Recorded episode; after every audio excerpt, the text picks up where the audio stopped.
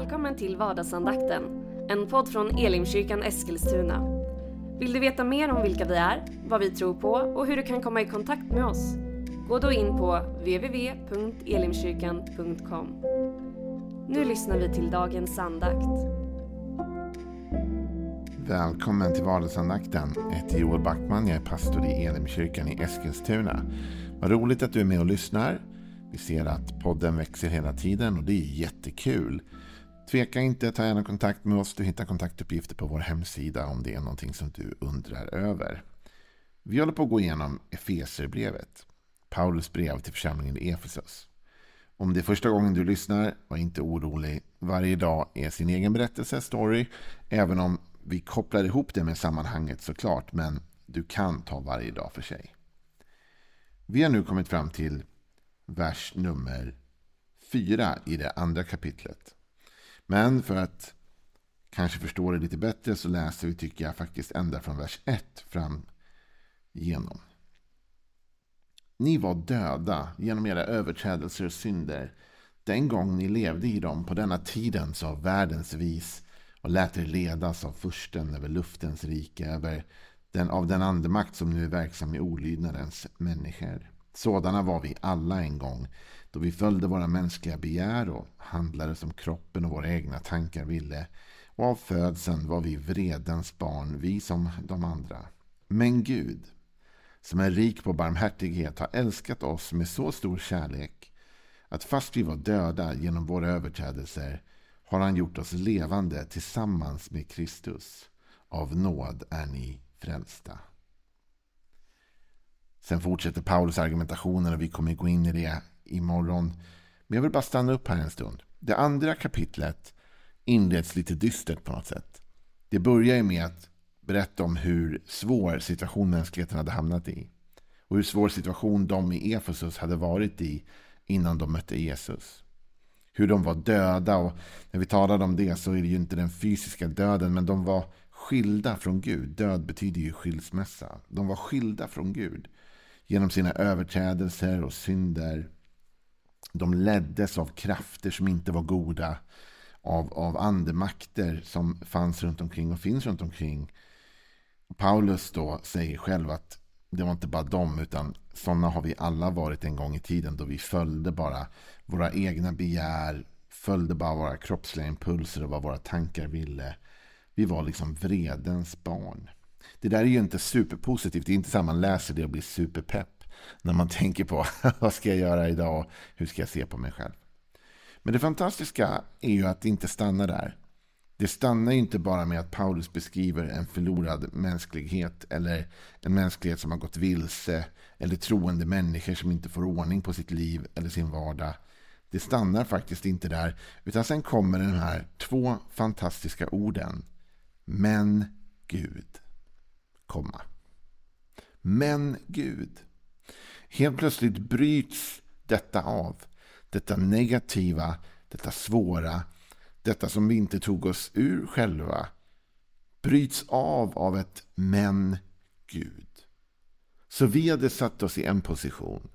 Vi hade hamnat i ett läge på grund av faktiskt delvis vårt eget fel och delvis också att vi var ledda av krafter och vi på något sätt lät oss också ledas. Men den kombon förde oss fel.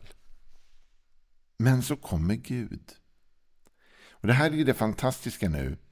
Att Bibeln talar om hur Gud aktivt går in för att rädda mänskligheten. Hur han har en plan för att upprätta oss igen.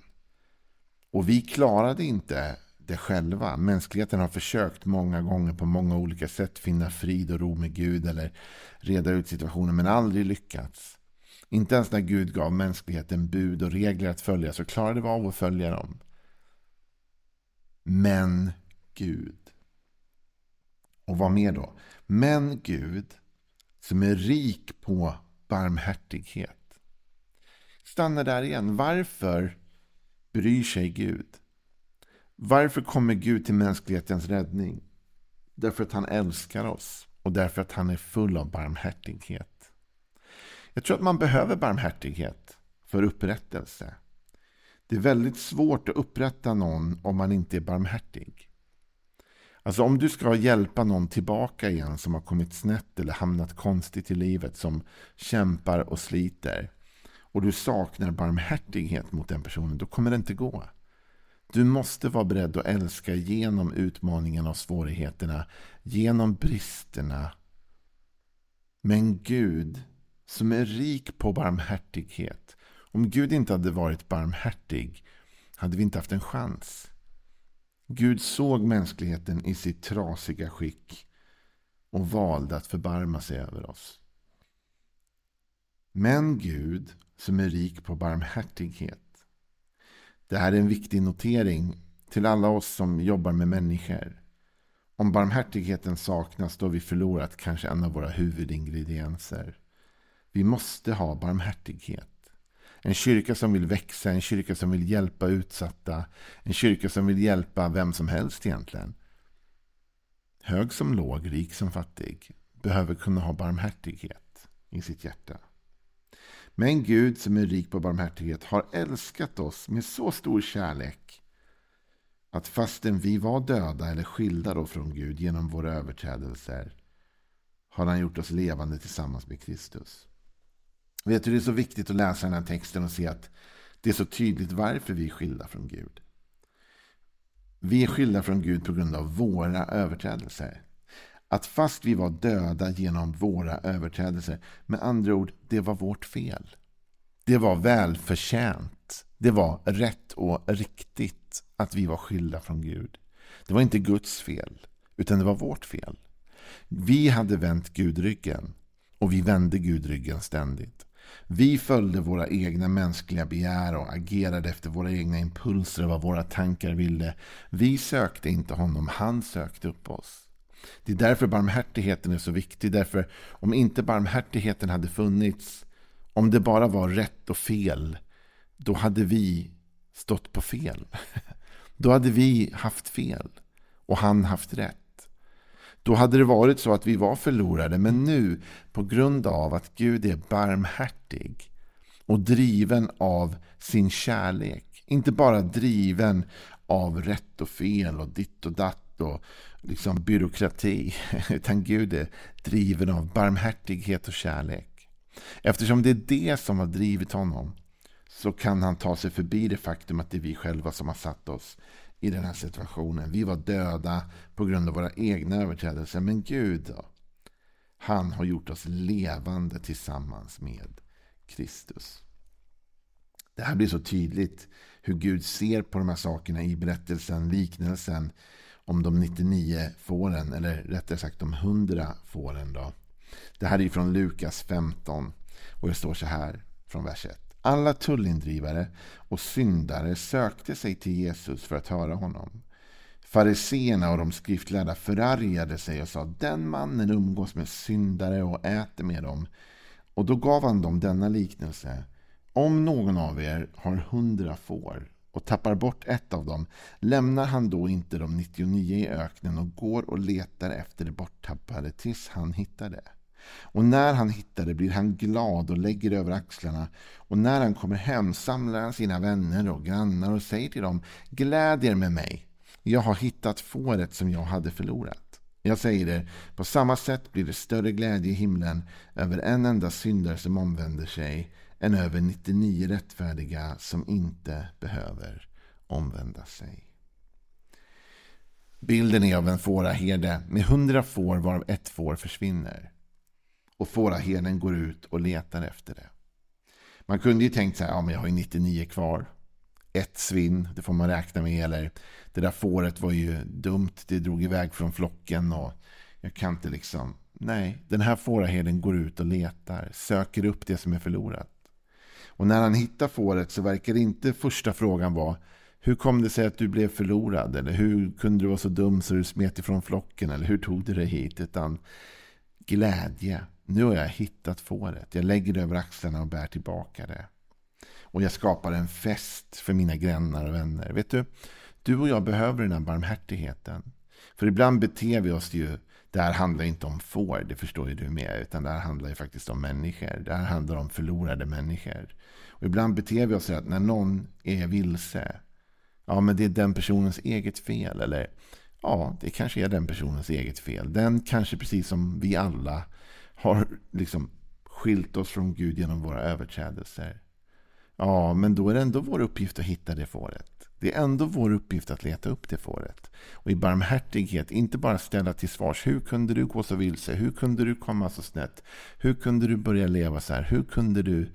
Utan snarare säga, får jag bära dig? Kom, låt mig bära dig tillbaka till Jesus. Och ha barmhärtigheten och kärleken som drivkraft. Det här syns i allt Jesus gör. Och det märks också runt omkring Jesus. Tänkte du på att den här berättelsen börjar med att eller alla tullindrivare och syndare sökte sig till Jesus. De kände av den här attityden hos Jesus.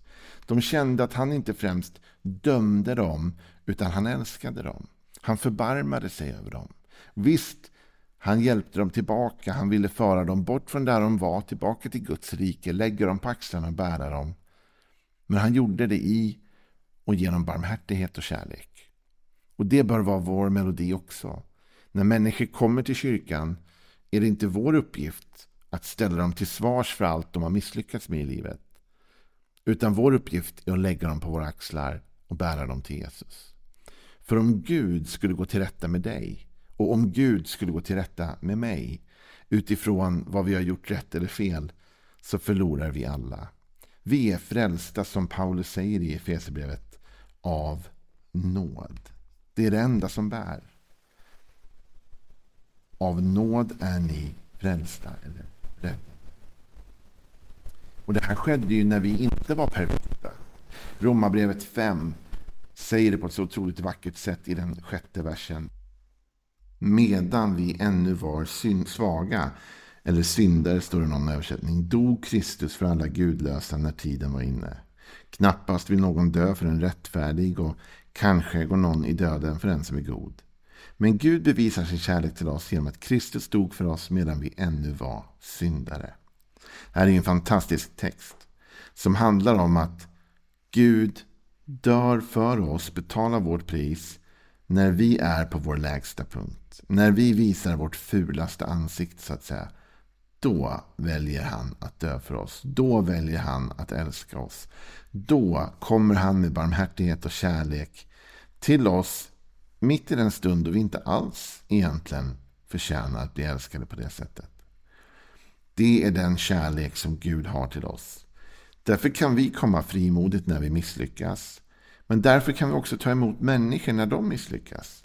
Det handlar inte bara om vad vi lyckas med eller inte, utan det handlar om att leva ett liv i Guds kärlek och hans barmhärtighet. Att orka med människor när de inte är på toppen. Utan kanske till och med på botten ibland av sitt liv. Men Gud som är rik på kärlek och barmhärtighet har älskat oss med så stor kärlek, sa Paulus. Att fastän vi var skilda från Gud, döda då, genom våra överträdelser, har han gjort oss levande tillsammans med Kristus. Vi får tillgång till liv och liv i överflöd. Och det är för detta Jesus har kommit. Till rik, till fattig, till hög, till låg, till stark, till svag. Till oss alla har Jesus kommit för att ge liv och liv i överflöd. Att öppna den vägen igen. Och djävulen däremot, han kommer bara med motsatt syfte. Johannes 10.10 10 säger Tjuven, och då talar Jesus om djävulen, kommer bara för att stjäla, slakta och döda. Men jag har kommit för att de ska ha liv och liv i överflöd. Så Jesus vill ge dig av sitt liv. Han vill ge dig av sitt goda. Ta emot den godheten idag. Ta emot den nåden, barmhärtigheten, kärleken idag. Jesus älskar dig och han vill ge dig det bästa som han har. Våga tro på det idag. Våga tro på att han är den gode herden som söker upp den som är förlorad. Inte för att döma, skälla ut eller straffa. Utan för att lägga på sina axlar och bära tillbaka. Ha en välsignad dag. Imorgon är vi tillbaka med mer vardagsandakten igen. Hej då.